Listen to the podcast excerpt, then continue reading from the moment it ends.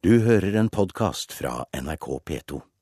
Kulturskolene i de fem største byene reklamerer så lite for seg selv at mange ikke kjenner til tilbudet. Det viser en ny rapport fra Agderforskning. Dette gjør at det ofte er barn av foreldre som allerede kjenner kulturskolene, som bruker undervisningen i musikk, kunst og dans.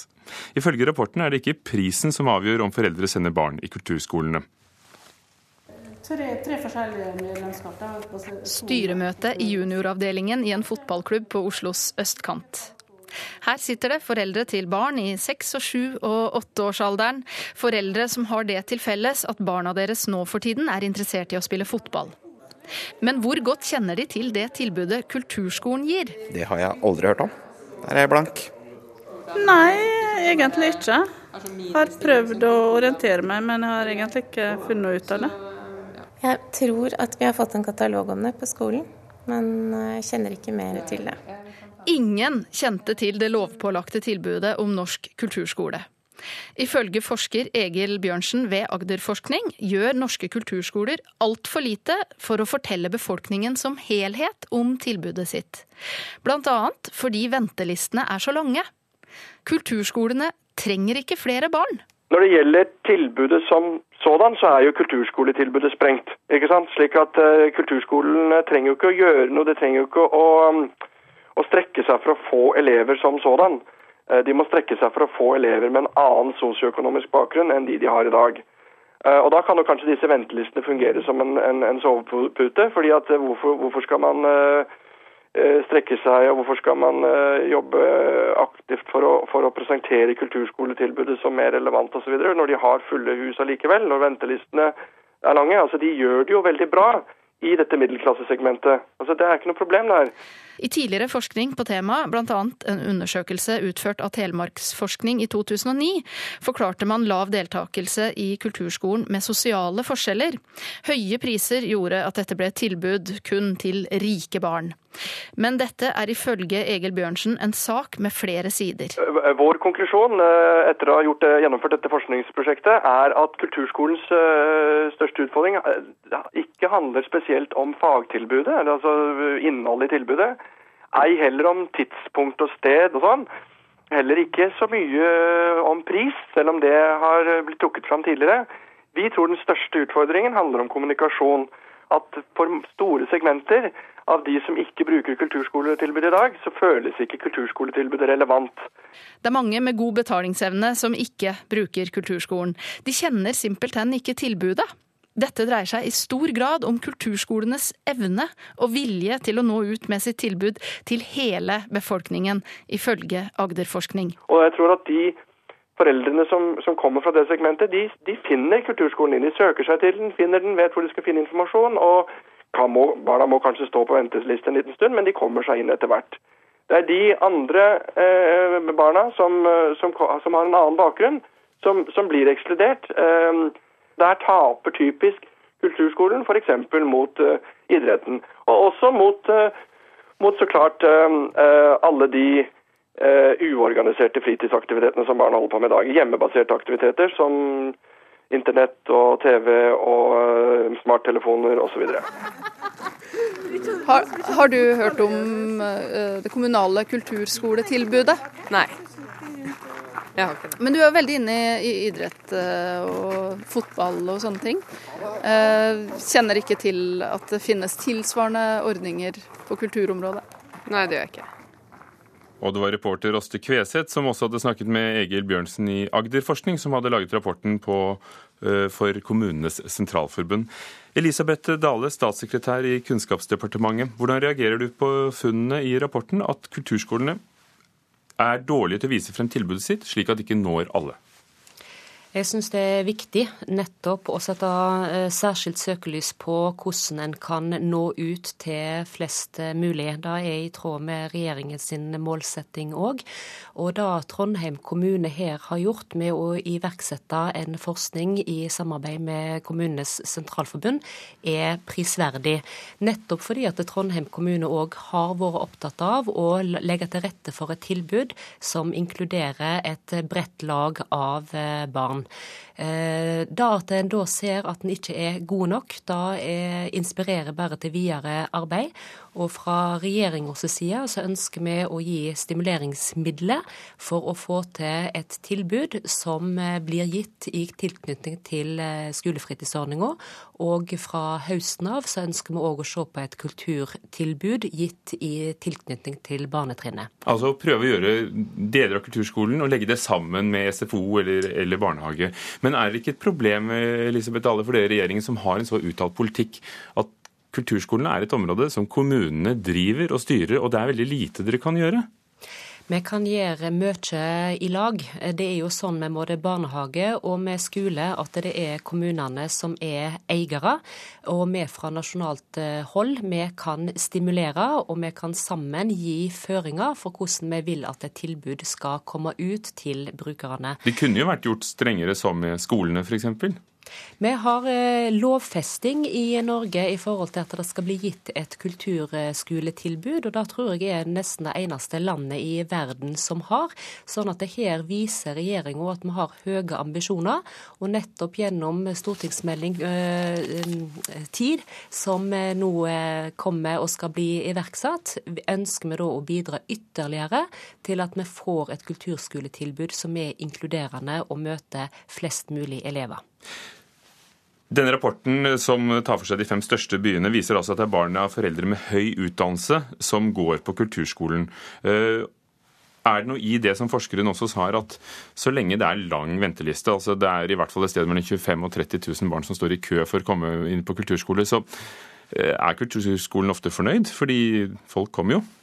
Jeg mener at det som nå Trondheim kommune har gjort med å sette i gang denne forskninga, som vi nå har denne rapporten på, viser at kommunene ønsker å lage et bredt tilbud som alle elever kan eh, få tilbud om og delta i.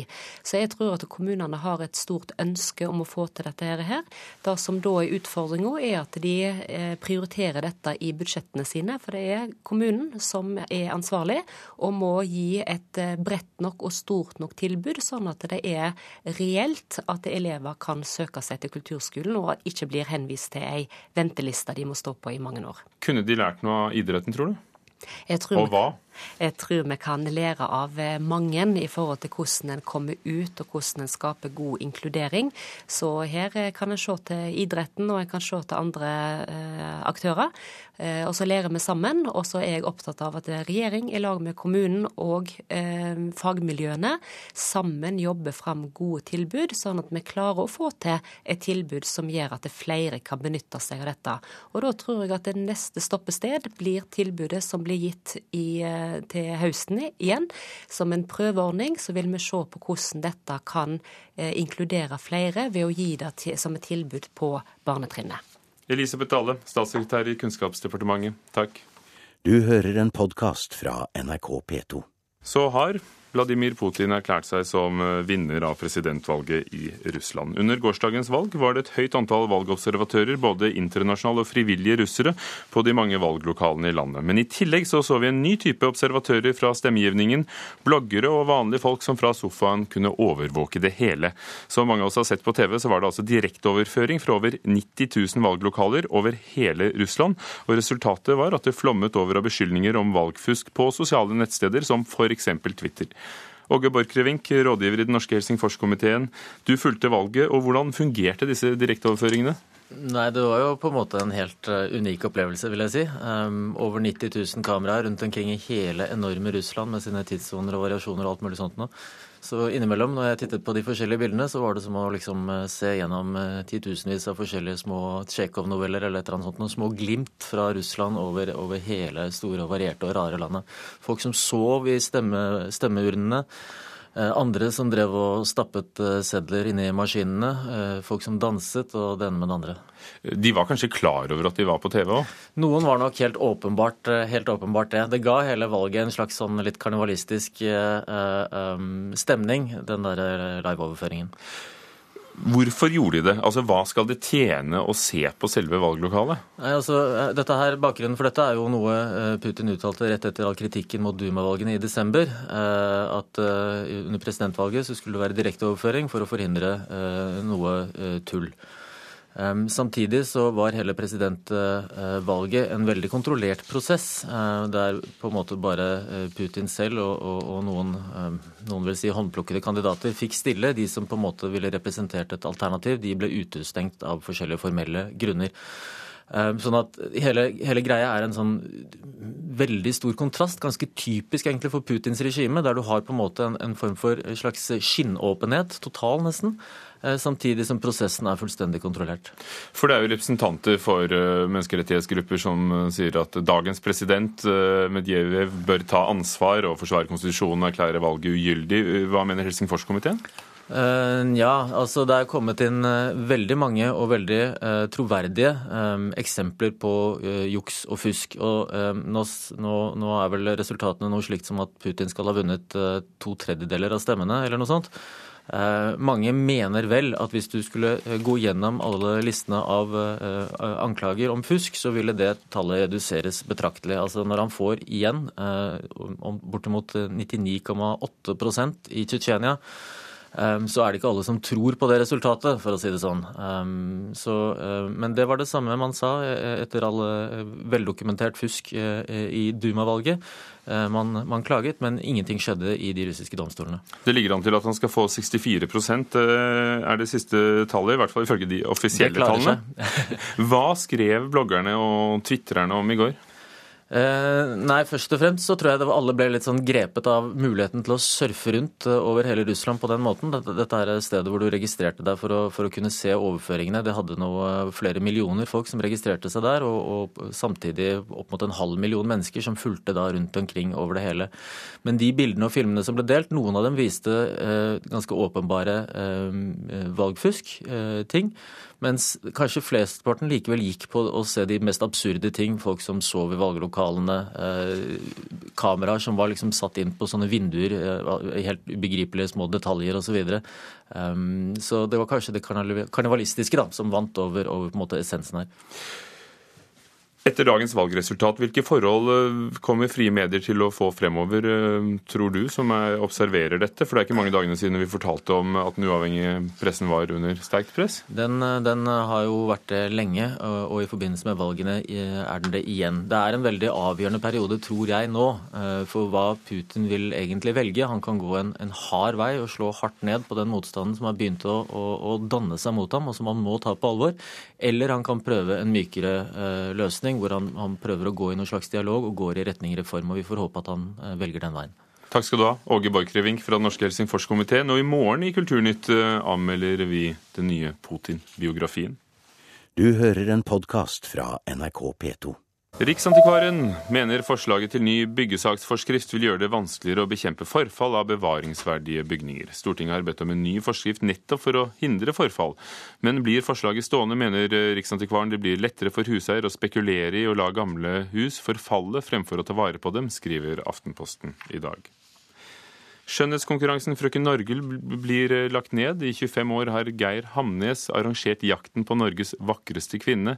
Ingen TV-kanaler har ønsket å sende konkurransen de siste årene, og dermed har interessen forsvunnet, sammen med sponsorene. Og som en følge av nedleggelsen er det tvilsomt at Norge kommer til å sende noen kandidat til Miss World-finalen i Kina, skriver Dagbladet.